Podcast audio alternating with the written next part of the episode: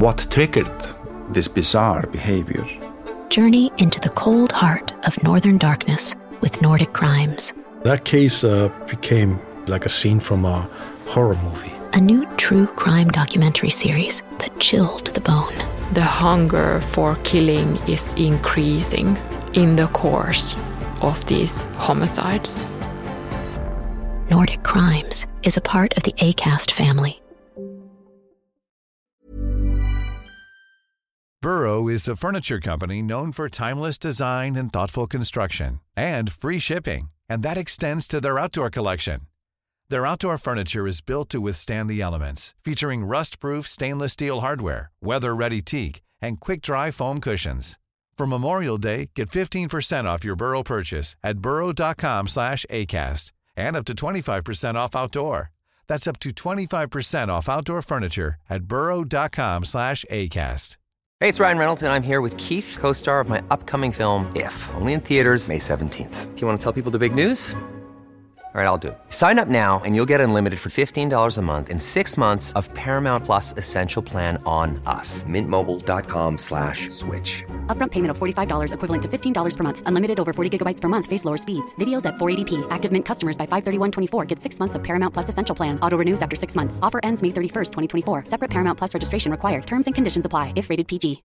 Millions of people have lost weight with personalized plans from Noom. Like Evan, who can't stand salads and still lost 50 pounds.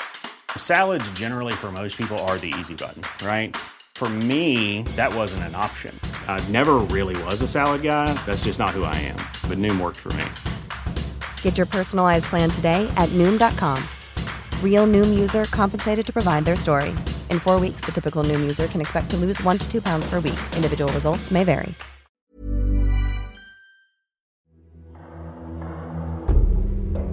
Man ska vara väldigt försiktig med att använda sig av det här med magsäcksinnehållet i sin bedömning av dödsorsaken, både som primär och som bidragande dödsorsak. För, eftersom för det allra mesta så är det helt irrelevant. För erkänna för sig själv, det var någonting jag förnekade väldigt länge. Mm. Det var väldigt, väldigt jobbigt att handskas med allting och att vara i det helt själv. Var du där då eller och såg den här kräkningen eller? Det vet du att jag inte var. Nej, det vet jag att du inte var. Nej. Eh, så stämmer det ju överens med vad som faktiskt hände. Det att vi bar ut Toves kropp. Ja. Det stämmer. Ja. Och då slungades jag ju liksom tillbaka i den här fruktansvärda natten. 21-åriga Tove försvann natten mellan den 15 oktober och den 16 oktober år 2022 efter en kväll på utestället Nöjet i Vetlanda. Polisutredningen riktade snabbt sitt fokus mot två personer. 20-åringen Johanna och 18-åringen Maja. Två personer som tidigare varit vänner med Tove. Du lyssnar på Svenska Brott. Den här podcasten fokuserar på brottmål och kan därför innehålla beskrivningar av våld och andra potentiellt stötande ämnen.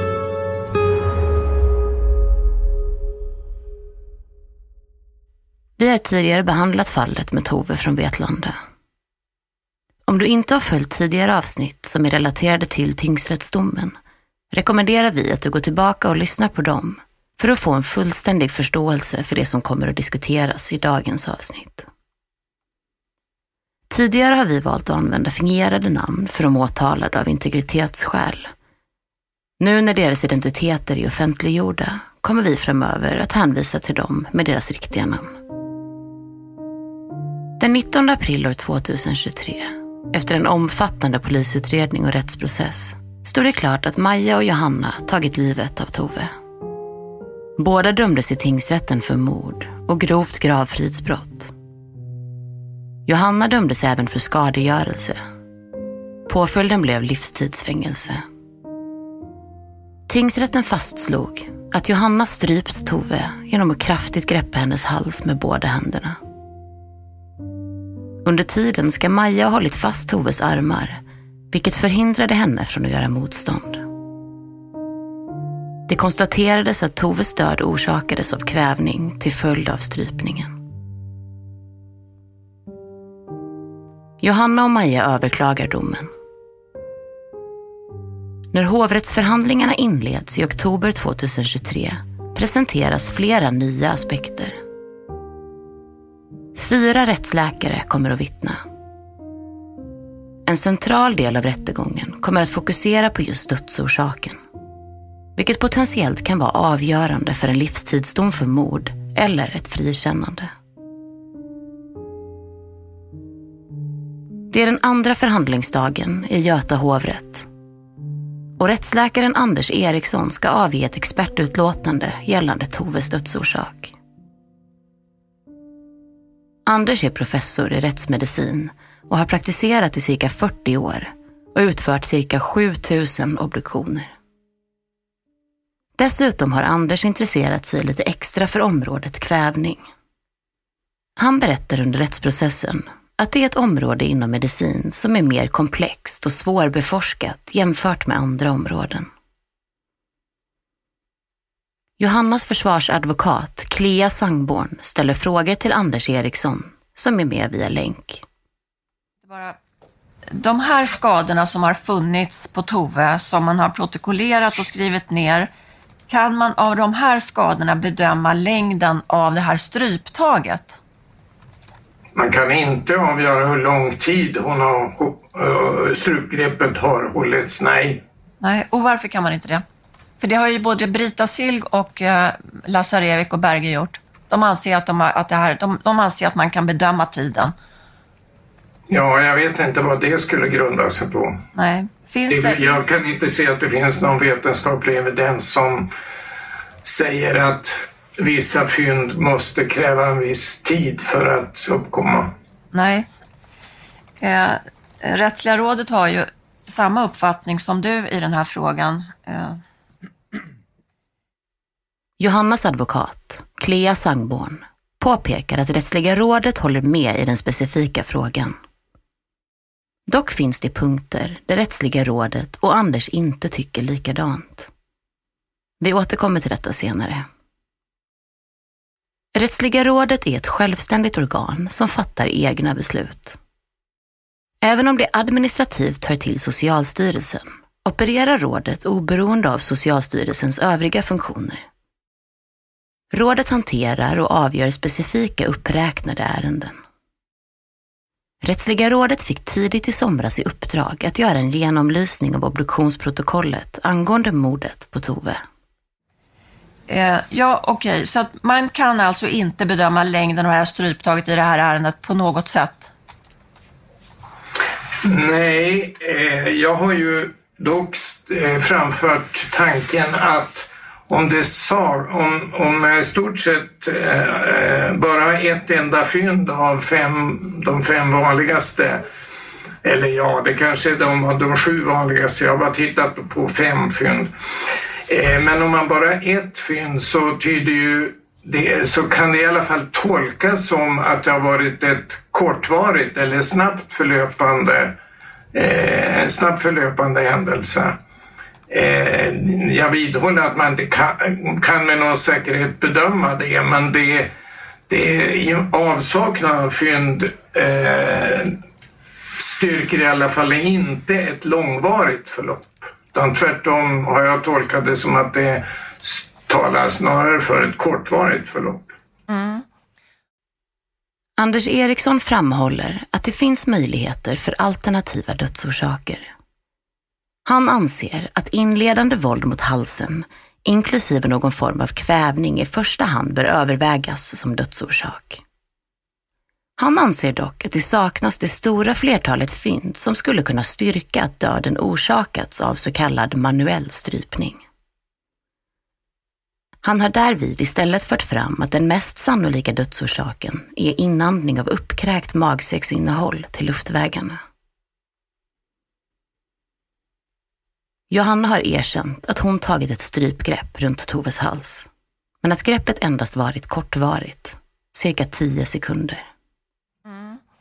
Och eh, som rättsläkare så kan man ju då yttra, eller uttala sig på det sättet att fynden är förenliga med till exempel Johannas uppgifter i det här fallet om 10 sekunder. Kan du eh, tycka till om det? Ja, jag har ju uppfattat att det finns en uppgift från den tilltalade att, att, det, att det var ett kort förlopp, kanske tio sekunder tror jag hon formulerade det. Och, och I och med att man inte kan bedöma tidsutdräkten eh, och, men att det är väldigt få fynd eh, så är min uppfattning att det finns ingenting som motsäger hennes uttalande om ett kort förlopp. Det vill säga, och då menar jag ett kort förlopp fram till eh, medvetslösheten inträder. Eh, döden inträder ju ganska många minuter senare oavsett hur, vad som orsakar döden. Döden eh, definieras ju som enligt svensk lag då att döden en människas död eh, inträder när hjärnans funktioner totalt och oåterkalleligt har upphört och det tar ju ja, uppskattningsvis 4-5 minuter efter det att blodtillförseln till hjärnan har upphört. Så att eh, det vi pratar om här är tidsförloppet till medvetslöshet och det kan vara Eh, det kan gå mycket snabbt. Jag har ju i mitt tidigare arbete då eh, som rättsläkare eh, haft att bedöma till exempel filmer av så kallade sexstrypningar. Eh, och det där tar det mellan 5 och 10-11 sekunder innan medvetslöshet inträder. Så det, uppgiften om 10 sekunder är helt rimlig, tycker jag. Mm. Den avgörande bevisningen i tingsrättens dom är främst utlåtandet från rättsläkaren Alexandra Lazarevic som fastställt att dödsorsaken var kvävning till följd av en intensiv och långvarig strypning. Anders å andra sidan menar att fynden talar för att det rör sig om ett snabbt förlopp. Greppet kan ha varit så kort som tio sekunder menar han och greppet i sig kan ha lett till att Tove blivit medvetslös. Vi har ju bara mjukdelsskador här då och eh, ändå så har Lazarevik Berge och Brita Sild kommit fram till att det här är, talar starkt för manuell strypning. Eh, kan jag påstå att eh, de har gjort, dragit för långtgående slutsatser av ett enda fynd? Jag skulle inte ha dragit den slutsatsen. Jag har inte dragit den slutsatsen. Nej. Anders påpekar att det saknas många av de rättsmedicinska fynd man typiskt ser vid strypning. Istället för strypning kan den faktiska dödsorsaken alltså vara relaterad till inandning av uppkräkt magsäcksinnehåll. Brita Silg, specialist i rättsmedicin, överläkare och ledamot i Socialstyrelsens rättsliga råd, ska nu höras i rätten. Vi är ju det är ju jag och Ingmar Teblin och eh, Peter Krantz och Henrik Druid som är ledamöter i Rättsliga rådet från rättsmedicin. Och vi, eh, när det kommer in ett rättsmedicinskt ärende så eh, är det ju en av oss som är föredragande som alltså får själva ärendet. Och den som är föredragande utser en expert som ska skriva själva expertutlåtandet. Och den, den, experten kan ju vara vem som helst. Det kan ju vara någon av oss som redan sitter i rättsliga rådet, men det kan också vara en helt... Eh... Brita förklarar hur det rättsliga rådet fungerar och nämner att hon blivit utvald som expert gällande Tove-fallet. Brita får frågan om magsäcksinnehållet som hittats i Toves luftvägar. Är det vanligt att man påträffar den typen av fynd i samband med eh, så att säga strypning? Um, just i samband med strypning vet jag inte, men i all, alla våra obduktionsfall så förekommer ju magsäcksinnehåll i luftvägarna. I, det finns olika studier, några som har visat 25 procent av alla fall. Några har, har sagt att det där var en låg siffra, det förekommer i ännu fler fall. Så det är vanligt att det finns magsäcksinnehåll i luftvägarna. Men alla är överens om att eh, det är för det allra mesta ett helt irrelevant fynd eftersom magsäcksinnehåll, det är väl känt att magsäcksinnehåll kan förflytta sig från magsäcken till luftvägarna dels under döendet, alltså under den agonala perioden, men också efter döden. Efter, just bara genom att man hanterar kroppen, vilket man ju ändå måste göra. Så till exempel så gjordes det en studie på 50-talet kan jag nämna där man eh, placerade ett röntgentätt material, alltså barium, i magsäcken på människor som precis hade dött på sjukhus. Alltså medan de fortfarande låg i sina sjukhussängar så fick man dit det här bariumet i deras magsäckar. Och sen gjorde man som vanligt och transporterade kroppen till bårhuset först och sen på obduktion och så gjorde man en röntgenundersökning innan obduktionen och då såg man ju i ganska många fall att det här bariumet fanns i luftvägarna. Så bara den hanteringen gör ju att magsäcksinnehåll flyttar på sig. Så för det allra mesta så är det ett helt irrelevant fynd och det är lustigt att Anders Eriksson citerar den här, det här kapitlet i den läroboken från eh, Sauko och Knight där man just har skrivit nästan ett helt kapitel om det här fenomenet där det ju också står att man ska vara väldigt försiktig med att använda sig av det här med magsäcksinnehållet i sin bedömning av dödsorsaken, både som primär och som bidragande dödsorsak. För, eftersom för det allra mesta så är det helt irrelevant. Enda gången det kan, vara, kan ha en relevans är när man har en kraftigt alkoholpåverkad eller drogpåverkad person och man har kopiösa mängder av magsäcksinnehåll som helt blockerar luftvägarna. Så det stämmer inte som Anders Eriksson sa att det räcker med en liten mängd. Det står uttryckligen i den boken att det ska vara stora mängder magsäcksinnehåll för att man ens ska ta upp det som en bidragande dödsorsak i de här fallen när man har en hög alkoholpåverkan och har dött. Socialstyrelsens rättsliga råd talar för att dödsorsaken var manuell strypning och att inandning av kräkt magsäcksinnehåll kan ha spelat en roll i obestämbar grad.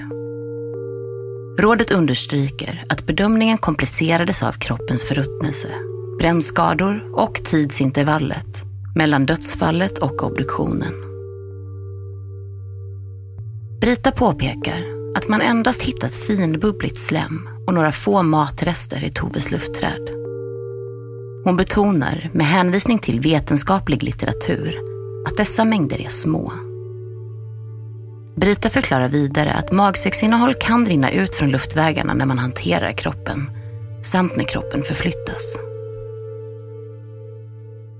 Brita håller alltså inte med Anders Eriksson som menar att mängden maginnehåll är tillräcklig för att betraktas som en bidragande dödsorsak. Ja, och det vet jag inte riktigt var han har fått ifrån. Och det där med att det skulle räcka med en ärta och så dör man av det, det har jag aldrig hört talas om. Jag har haft ett fall med ett barn som fick en ärta i sin ena huvudbronk. Men det barnet dog tre dagar senare av en, lung, av en lunginflammation som den ärtan hade orsakat. Så att det tror jag är allmänt vedertaget. Att det krävs en ganska stor tilltäppning av luftvägarna för att, det, för att man ska kunna kvävas av det. Okej. Okay. Och eh, baserat på det du nu har sagt och baserat på de fynd som du gjorde, vi kommer att titta på dem senare har jag förstått. Eh, är det, eh, var det svårt att avgöra om det var tillräckligt mycket magsäcksinnehåll i, i luftvägarna? Nej. Och det som förvånade mig var ju bara, när, när jag fick se bilderna så tänkte jag väl också så här, varför skrev de rikliga mängder magsäcksinnehåll i det preliminära utlåtandet? Så att jag förstod, jag fick inte ihop det heller. Och vi har ju fått förklaringen nu av Johan Berger att, att det var ett misstag. Ett väldigt olyckligt misstag som har gett upphov till hela, hela den här diskussionen. Varför, varför vi ens sitter och pratar om det här. Jag hade, hade det här varit mitt fall så hade jag inte ens tagit upp det i, i mitt utlåtande. Hur menar du då? Det kanske hade stått i protokollet att det fanns en liten mängd slem, att det fanns slem och en liten mängd matsäcksinnehållet. Det kanske hade stått i, det hade stått i protokollet men på utlåtandet så listar vi ju liksom de de relevanta fynden. Och för mig hade det här inte ens varit ett relevant fynd. Ja. I det preliminära utlåtandet har Johan Berge, som var den rättsläkare som tillsammans med Alexandra Lazarevic gjorde obduktionen av Toves kropp, beskrivit det som att Tove hade rikliga mängder magsäcksinnehåll i lungorna. En formulering som Johan Berge i efterhand beskrivit som ett misstag. Och när man läser dina slutsatser och, och lite grann det som vi nu har varit inne på så, eh, så avfärdar du förslaget att inandning av magsäcksinnehåll skulle vara primär dödsorsak och det tror jag i och för sig att, att eh, eh, Eller att jag ska ställa frågan så här. Eh, hur kommer det sig att du gör det? Ja, att det var så en liten mängd. Mm. Okej. Okay. Sen har du också skrivit att eh, aspiration i någon mån kan ha bidragit till dödsfallet. Eh, och, och, vad menar du med det? Eller med den skrivningen?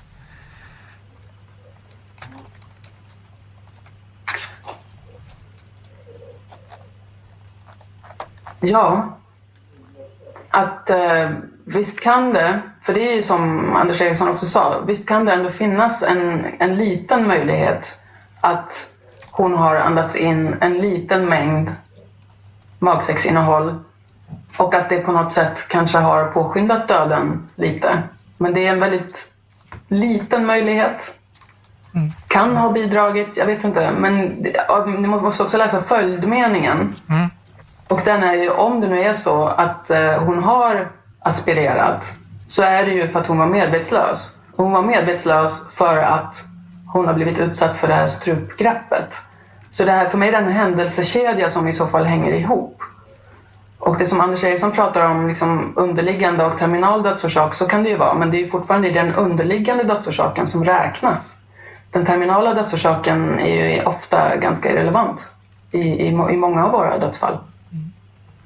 Och enligt din uppfattning då, vad, vad det är så att säga orsaken till att Tove avled?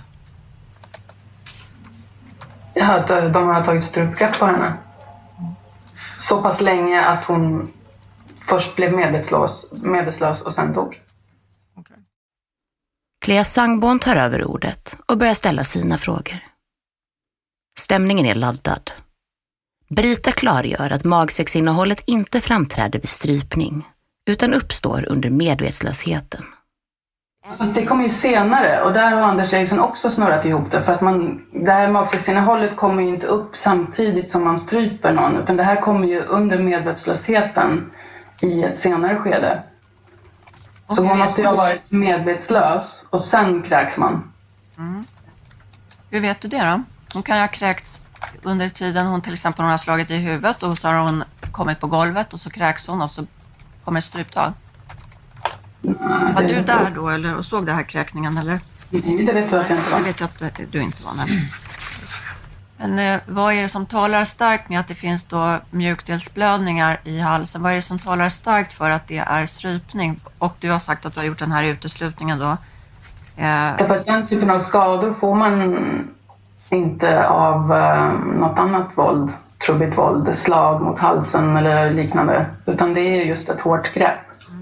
Och eh, hur påverkar förruttnelseprocessen och brännings, bränningarna då? Din bedömning? Inte så mycket i det här fallet, nej. Du har just påpekat att man måste verkligen ta hänsyn till det, har du ju skrivit själv. Jo, men vi har ju fortfarande fynden på blödningarna i halsmuskulaturen och det faktum att hon är död och det faktum att eh, en av de tilltalade medger att hon har hållit ett strupgrepp runt halsen. Ett stryptag som har varat i cirka 10 sekunder har hon medgivet. Eh, vad är det för någonting som talar för, enligt dig, att fynd, fyndet... Vad är det för fynd som talar för att stryptaget har hållits under en längre period, som du säger? Det faktum att hon är död. Mm. Är för att om hon hade hållit i 10 sekunder bara så hade hon inte dött. Nej. Men om vi tar på skadorna då, själva medicinska fynden. Finns det några medicinska fynd som i sig talar för eh, att stryptaget har varit längre? Majas försvarare, Peter Gillberg, vill under hovrättsförhandlingen höra Johanna på nytt. Han har antytt att det kan ha varit så att Johanna vill sätta dit Maja. Då Maja var den som först började berätta i förhör med polisen om händelserna kring Toves död. I rätten tar han upp ett specifikt förhör som ägt rum med Johanna den 7 december 2022. Och till dig nu Johanna. Det här är ett förhör den 7 december. Och du får då reda på vissa uppgifter som Maja har sagt i förhör gällande Tove, Toves kropp. Kommer du ihåg vad poliserna berättade för dig? Ja, de berättade väldigt knapphändiga uppgifter. De berättade precis bara att Maja hade berättat att vi hade eh, tagit ut Tove ur min lägenhet Mm. och att vi hade, vad vi hade gjort av hennes nycklar och mobil. Absolut inget mer än det. Och, och ja, låt mig, eh, det stämmer det du säger. Men eh, om jag får läsa det du får höra från polisen här på sidan 994, det är lite mer information. I, allt väsentligt så är det riktigt som Johanna säger. Då står det så här, jag vill bara se om du känner igen detta Johanna. Eh, förra veckan så påkallade Maja ett förhör med oss och nu har Maja ändrat sig. Maja säger nu att hon är med på den här resan, men det handlar inte om att åka och äta någon haschkaka. Om vi stoppar det, det hade du berättat om tidigare, eller hur? Mm. Mm. Maja berättar för oss hur ni tillsammans bär ut Tove, Toves kropp från din lägenhet. Stämmer? Känner du igen? Maja berättar hur ni tillsammans lastar in den i bilen. Maja berättar hur ni åker och dumpar kroppen på den platsen där vi hittar den. Vi vet också var och hur Toves telefon försvann. Vi vet också var och hur Toves nycklar försvann. Känner du igen det? Ja. Att du får höra det. Kommer du ihåg vad din reaktion var på det? Jag vet att jag blev eh, väldigt chockad Mm. och inte riktigt vad visste vad jag skulle varken tänka eller svara. Hur kändes det? Jag vet faktiskt inte riktigt. Jag var väldigt chockad. Eh, eh, Det var inte många tankar som dök upp i huvudet. Why don't more infant formula companies use organic, grass fed whole milk instead of skim? Why don't more infant formula companies use the latest breast milk science? Why don't more infant formula companies run their own clinical trials? Why don't more infant formula companies use more of the proteins found in breast milk? Why don't more infant formula companies have their own factories instead of outsourcing their manufacturing? We wondered the same thing. So we made ByHeart, a better formula for formula. Learn more at byheart.com. Ryan Reynolds here from Mint Mobile. With the price of just about everything going up during inflation, we thought we'd bring our prices down. So to help us, we brought in a reverse auctioneer, which is apparently a thing. Mint Mobile unlimited premium wireless. Ready to get 30, 30, bit to get 30, bit to get 20, 20, 20, bit to get 20, 20, bit to get 15, 15, 15, 15 just 15 bucks a month. So, Give it a try at mintmobile.com slash switch. $45 upfront for three months plus taxes and fees. Promo for new customers for limited time. Unlimited more than 40 gigabytes per month. Slows. Full terms at mintmobile.com. Hey, it's Paige DeSorbo from Giggly Squad. High quality fashion without the price tag. Say hello to Quince. I'm snagging high-end essentials like cozy cashmere sweaters, sleek leather jackets, fine jewelry, and so much more. With Quince being 50 to 80% less than similar brands. And they partner with factories that prioritize safe, ethical, and responsible manufacturing. I love that. Luxury quality within reach. Go to quince.com slash style to get free shipping and 365 day returns on your next order. Quince.com slash style. Peter tar upp ytterligare ett förhör som sker den 15 december. I förhöret uppkommer liknande frågor som i tidigare nämnt förhör. Och kommer du ihåg hur du reagerar på detta då? Nu har det ju gått lite tid. Vad tänkte du då? Jag var nog fortfarande ganska chockad och inte riktigt heller visste vad jag skulle eh, tänka och så. Det var ganska rörigt i huvudet då. Mm. Eh, stämmer det att det noteras att du säger att det stämmer inte? Ja. Mm. Och hur känns detta? Nu har det kommit en andra gång de här uppgifterna att, att Maja har sagt så här. Mm. Eh, både om sig själv, att hon är med, men också om dig. Mm. Hur, hur kändes det? Hur, hur tänkte du? Är du ledsen eller blev du chockad? Blev du arg? Hur kände du? Eh, ja, för det var en, en väldigt traumatisk upplevelse allting. Och det gjorde ju att man förträngde det väldigt mycket. Mm.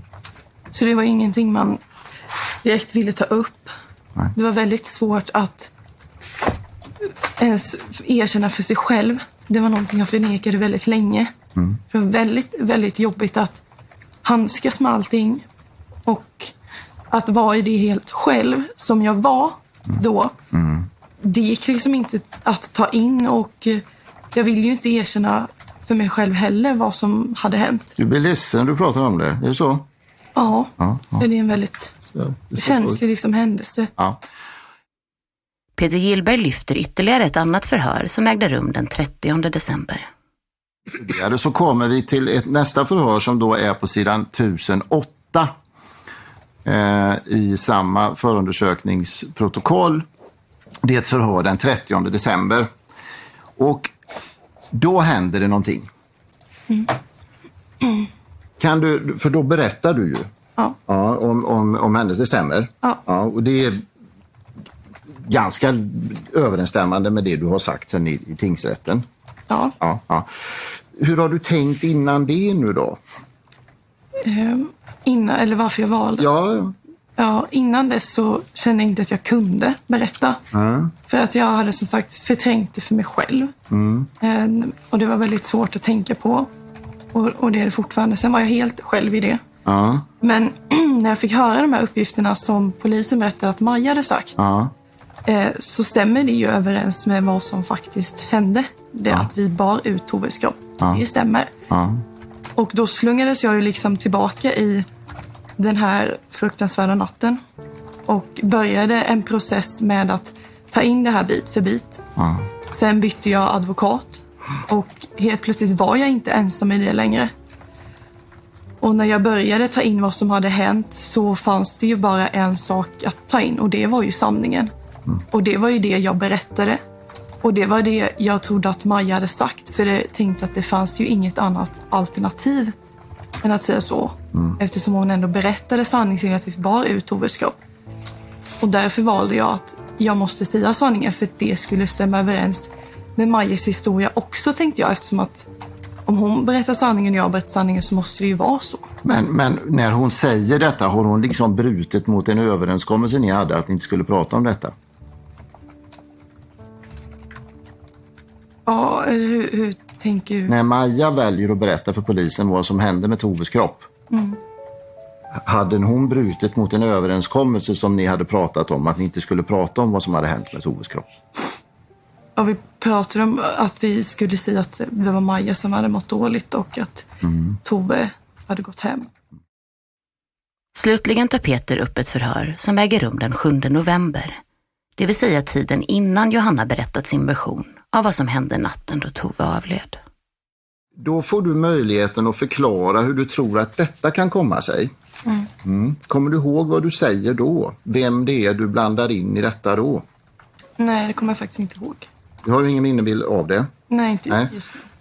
Jag ska läsa upp det för dig. Jag vill, jag vill bara ge dig möjligheten och då är jag på sidan 955 och då får jag be om rättens tillåtelse eh, med detta. Du får frågan, det finns mer text nu än det, än det jag bara läser upp. Du får frågan så här eh, från polisen. Den här McDonalds-resan, när grannen kör dig dit, så vet vi sedan tidigare att Toves telefon gör exakt samma resa vid samma tidpunkt. Har du funderat över det? Har du kommit fram till hur det kan ha gått till? Frågar polisen. Känner du igen att frågan har varit uppe? Ja, men jag kommer inte ihåg det. Så. Nej. Och eh, då, du, du berättar om att den kan ha hamnat i fel jackficka och Tove kan ha lagt mobilen på lite olika ställen. Men, men, men sen säger du så här, och det, det, det, återigen, du får inga minnesbilder för då, jag vill inte läsa om du, om du är så att du själv kan berätta. Jag faktiskt inte ihåg. Nej, Jag läser det så får du kommentera det Johanna. Mest sannolikt tycker jag det är att den har legat i hans bil. Mina misstankar, går mot, eh, mis, mina misstankar mot grannen är ganska starka. För mig är det inte alls orimligt att hon skulle kunna vara med i bilen på något sätt och mobilen i så fall kunnat vara med på det sättet. Det är mina spekulationer. Känner du igen det? Mm. Varför, varför säger du så? För att, återigen, det som hände är fortfarande svårt att prata om idag. Mm, För att det är jättetraumatiskt. jag förstår. Och för att kunna hantera en sån sak så valde jag undermedvetet. Det var ingenting jag aktivt valde, utan det var undermedvetet. Att förtrycka allt det. Så det var vad jag på riktigt trodde då. Det var mina spontana tankar på riktigt. Jag, jag märker att du liksom du, du, du, känner igen. Jag ska läsa lite till, sen är jag klar Johanna. Du får säga till om det är för jobbigt, men det är bara en passus till, sen är jag klar. Är det okej? Ja. ja. Eh, eh, menar du, frågar polisen, att, att hon var med i bilen till McDonalds då? Och så svarade du, inte vad jag såg, men om man ska dra det så grovt så skulle hon kunna legat i bagaget utan att jag märkte det. Det var en ganska stor bil där sannolikheten finns. Absolut att hon skulle kunna varit där och då även mobilen. Eller att grannen på något sätt hade mobilen på sig. Det är ju en rimlig tanke. Peter trycker på det faktum att Johanna var fullt medveten om att grannen inte hade något med Toves död att göra. Det, det som jag, jag bara funderar på det är ju att du vet ju att han har ju inte något med detta att göra. Fast riktigt så enkelt är det inte. Eftersom Okej. att jag tänkte ju inte, det var inte att jag undermedvetet kanske jag visste, men det var inget som låg närliggande som jag tänkte på. Nej. För då hade inte jag klarat av att sitta här idag. Det hade Du, inte gått. du minns inte ens riktigt detta. Är det så jag ska förstå? Att du, liksom, att du är sån... eh, Minnet finns fortfarande, Ja, absolut, ja. men det är inte tillgängligt. Nej. Så är det. Det är absolut inte tillgängligt för mig att, att plocka fram det just då. Jag förstår. Johannas försvarare, Clea Sangborn, tar över och frågar Johanna om hennes relation med Maja för tiden då förhöret i december skedde. Eh, alltså, vad är dina tankar kring eh, Maja när du sen ska berätta vad som händer? Ja. Alltså de är ju oförändrade. Vi var ju jättenära vänner och jag har aldrig haft en så bra vän och tyckt om en vän så mycket som Maja. Och det var ju helt oförändrat i december för att då Ja, det var inget som hade dykt upp som, som gjorde att jag hade anledning att ändra mina känslor kring eh, varken Maja eller vår vänskap. Hovrättens bedömning är att det är bevisat att den huvudsakliga dödsorsaken var kvävning till följd av manuell strypning. Men att det inte går att utesluta att andra faktorer kan ha bidragit till eller påskyndat händelseförloppet. Jag läser ur utdrag ur hovrättsdomen. Sammanfattningsvis är det bevisat att Johanna, medveten om att Tove var påverkad av alkohol, fällde henne till golvet. Satte sig på hennes överkropp och tog ett mycket kraftigt strypgrepp om Toves hals. Johanna höll kvar greppet till dess att Tove var död eller till dess att kvävningsprocessen inte längre kunde hävas. Det är ställt utom rimligt tvivel att hon höll kvar strypgreppet så länge att det orsakade medvetslöshet och att Tove aldrig, trots att Johanna släppte greppet, återfick medvetandet. Majas uppgifter om att hon till stor del sov under den tid som de tre var i lägenheten framstår som osannolika med hänsyn till vad som i övrigt kommit fram om att det förekom olika höga ljud och att det hela utspelade sig i en liten lägenhet. Med utgångspunkt i att Maja haft sin telefon på sig, eller i vart fall med sig under kvällen, har det presenterats vissa telefonanalyser som visar på rörelser och även viss aktivitet från Majas sida. Dessa uppgifter utesluter emellertid inte att händelseförloppet skulle kunna vara det som Maja beskrivit. Hennes berättelse innehåller dock flera märkliga omständigheter. Det framstår som i det närmaste otänkbart att Maja kan ha gått från sängen till toaletten och därefter har befunnit sig i badrummet under den tid som Johanna åkte till McDonalds utan att Maja sett Toves kropp. Det framstår också som mycket märkligt att Maja inte skulle ha frågat Johanna vad som hade hänt med Tove när hon senare under kvällen har beskrivit att hon såg kroppen ligga inlindad i ett lakan. Informationen om vad som faktiskt hände menar Maja att hon fått först dagen efter. Till skillnad från tingsrätten har hovrätten kommit fram till att Johanna inte agerade med avsiktsuppsåt. Avsiktsuppsåt innebär att en person aktivt avser att utföra en viss handling eller åstadkomma ett visst resultat. Personen har en tydlig avsikt. Hovrätten bedömer att Johanna handlat med så kallat likgiltighetsuppsåt. Likgiltighetsuppsåt avser när en person utför en handling trots att personen inser riskerna med den, men är likgiltig inför om dessa risker förverkligas eller inte. I och med hovrättens bedömning påverkas straffvärdet i en sänkande riktning och Johanna döms till 16 års fängelse för mord och grovt gravfridsbrott. Hon frias från anklagelsen om skadegörelse. Maja frikänns från misstankar om mord. Men döms till fängelse i ett år och sex månader för grovt gravfridsbrott. Eftersom hon suttit häktad i över ett år har hon suttit av sin tid. Rätten refererar till den tekniska utredningen gällande Maja. Utredningen visar aktivitet i hennes mobil klockan 02.20 och klockan 02.40 under mordnatten. Det går således inte att med säkerhet fastställa att hon var i rörelse vid den exakta tidpunkten för dödsfallet. Som tros ha inträffat i badrummet runt klockan 02.30. Du har lyssnat på Svenska Brott. Mitt namn är Tove Wahlne. Exekutiv producent är Nils Bergman. Tack för att ni har lyssnat.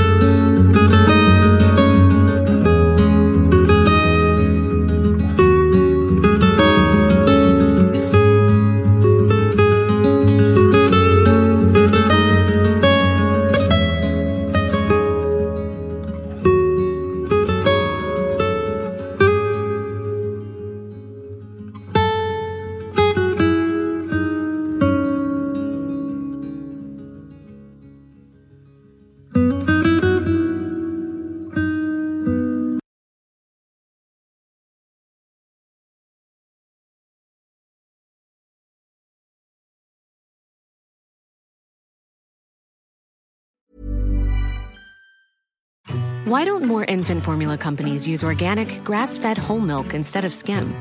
Why don't more infant formula companies use the latest breast milk science? Why don't more infant formula companies run their own clinical trials? Why don't more infant formula companies use more of the proteins found in breast milk? Why don't more infant formula companies have their own factories instead of outsourcing their manufacturing? We wondered the same thing. So we made ByHeart, a better formula for formula. Learn more at byheart.com. Hey, it's Paige DeSorbo from Giggly Squad. High quality fashion without the price tag. Say hello to Quince.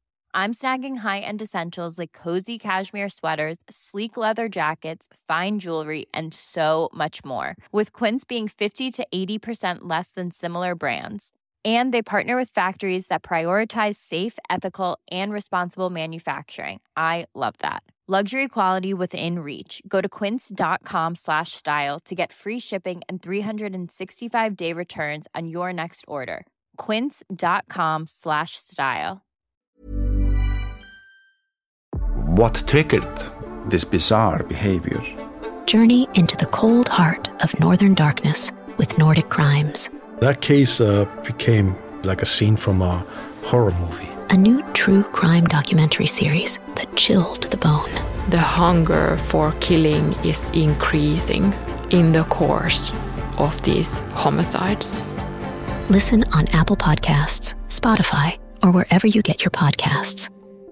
Nordic Crimes is a part of the ACAST family.